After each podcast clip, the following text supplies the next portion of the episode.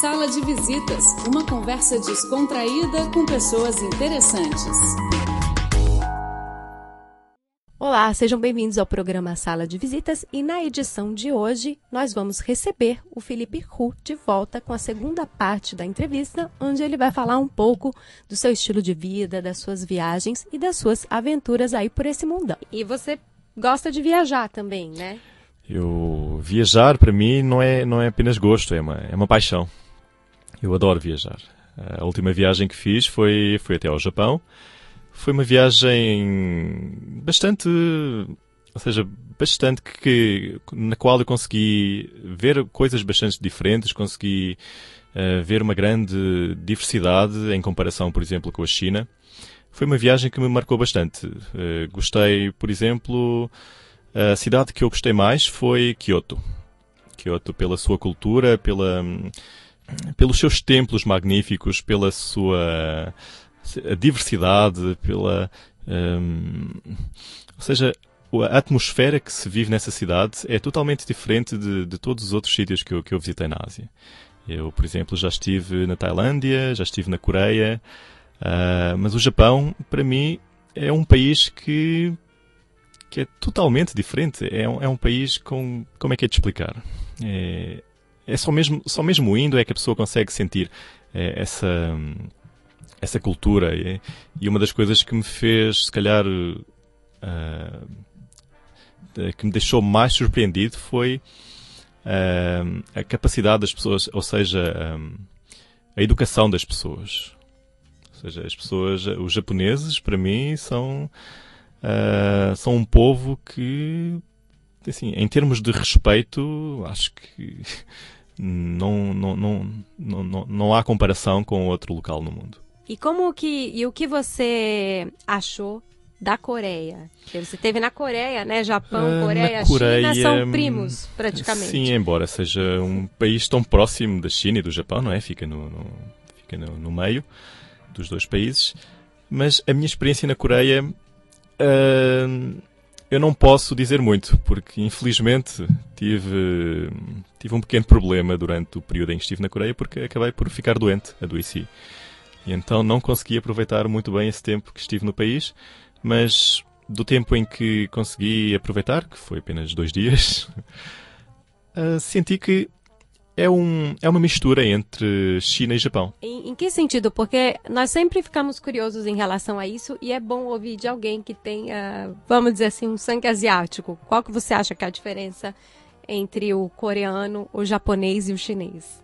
Tirando a física, uh, claro. Tirando, tirando, tirando as, as diferenças físicas, a cultura coreana, bom, é daquilo que eu que eu consegui uh, sentir na Coreia foi que o povo coreano, uh, em, ao contrário do povo japonês, não é um povo tão tão controlado, não é um povo que, que, que sente tanta pressão social. Ou seja, deu-me deu-me a parecer que o povo coreano é um povo mais solto, mais relaxado, que gosta de aproveitar mais a vida.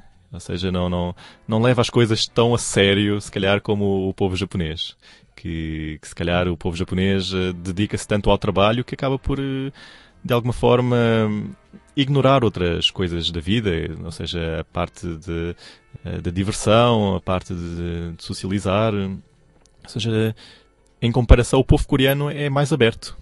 Hum, interessante. E você falou aqui antes que foi para a Tailândia. Falando em aproveitar mesmo, a vida mesmo, a e a Tailândia. Bom, a Tailândia é, é, um mundo totalmente diferente de, do Japão, da, da, da, Coreia e mesmo da China. É, é, dos países asiáticos onde eu fui, a, a Tailândia é, se calhar, o país onde as pessoas têm, um, têm uma vida totalmente relaxada. As pessoas, mesmo nas grandes cidades, eh, mesmo na capital Bangkok, as pessoas, é, ou seja, conseguem sempre ter um sorriso. E é um sorriso verdadeiro, é um sorriso uh, solto e mesmo natural, simpático. E foi muito bem recebido. Eu, eu na altura, estava com algumas dúvidas, uh, preocupações, porque eu fui viajar sozinho para a Tailândia e, e pensei que poderia, se calhar, sentir alguma, não digo discriminação, mas uh, que as pessoas me, me, tratassem de forma diferente. Mas não, eu fui, fui muito bem recebido. Fui recebido com bastante uh, generosidade, com, seja, sempre com um sorriso onde quer que eu fosse. Eu imagino que sim, acho que você foi tratado diferente, porque é, pelo é, que eu é. sei, eu acho que você estava meio de celebridade na, na Tailândia, ah, não foi? Sim, também, também ouvi dizer, assim. Pois não sei, não sei. Se calhar eh, pensaram que eu era parecido com algum, algum alguma celebridade tailandesa, não faço ideia. Mas sim, é, foi, foi uma experiência, não posso dizer negativa, não é? Mas uh, senti-me. Senti o meu ego. O meu ego ah, então os, tailandeses, os tailandeses, os tailandeses ficaram animados com a ficaram, sua visita. Ficaram. Agora eu fiquei a pensar, na altura, fiquei a pensar, será que eles tratam todos, todo, todos os estrangeiros desta forma ou será que eu sou uma exceção? Tratam não, não eu fui fiquei... para lá não me trataram bem assim. então tive foi num período em que a população estava, se calhar, eh, de bom humor, não é? As novelas, as novelas coreanas e chinesas fazem sucesso na Tailândia. Provavelmente você deve se parecer é, com algum ator calhar, e... Se calhar, se calhar, pois é. Foram muitas as fotografias que tentaram, eh, que quiseram tirar comigo e eu fiquei a pensar, bem, mas eh, será que isto é uma tradição da Tailândia? Mas depois fiquei a saber que, afinal, sou parecido, pelo que parece, com alguém, alguém desse país. E voltando aqui na, na escalada, é, você comentou que, né, que praticou lá em alguns pontos em, de Portugal e dentro das suas viagens pelo mundo, enfim, você explorou a parte da, da escalada. Por onde você escalou fora Portugal? Cheguei a praticar algum, por algumas vezes escalada na China, mas um, a escalada na China é uma modalidade praticamente inexistente. Uh, estou a falar do ar livre. Uh, existe em Pequim, existe em vários sítios onde a pessoa pode praticar escalada uh, em ginásios, ou seja, escalada artificial, mas eu pessoalmente prefiro ter contacto com a natureza e prefiro fazer escalada ao ar livre, o que é uma pena porque ainda não, não é uma modalidade que está muito que não é muito divulgada na, neste país. Uh, por isso não tive grandes oportunidades. Ouvi dizer que, por exemplo, na província de Guangxi, em, ou seja, na, uh, como muita gente já ouviu falar, se calhar, de Yangshuo, que é um sítio em que é, é, o, é se calhar dos poucos sítios na China onde existe, existe uma, uma comunidade de escaladores pessoas que, que se dedicam uh, a sério a esta modalidade. E mesmo entre os estrangeiros é um sítio bastante famoso, mas infelizmente eu ainda não tive a oportunidade. Uh, mas fica na minha lista, fica na lista das viagens e das atividades que eu quero praticar no futuro. É, e apesar de tudo, a China tem muitos lugares em potencial para se praticar ah, escalada. Né? Totalmente, né? tem, tem paisagens magníficas, tem montanhas. Uh, intermináveis, ou seja, infinitas quase. Há montanhas em, em todos os cantos da, da, da China. Mas é uma pena porque, uh, embora haja todas essas paisagens, não, não haja muita gente que se dedique um, a divulgar esta modalidade. Mas eu, eu, estou certo que com, com o tempo haverá uma, uma, uma comunidade cada vez maior de, de, pessoas que praticam escalada. Portanto, é uma, é uma questão de, de esperar.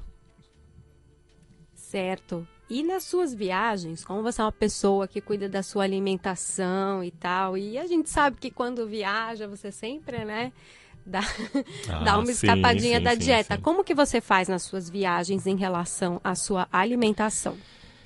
Uh, em relação à alimentação durante as viagens, eu normalmente faço os preparativos, ou seja, hum, compro, por exemplo, barras de proteína, tento levar também às vezes uh, suplementos, uh, suplementos uh, de ginásio.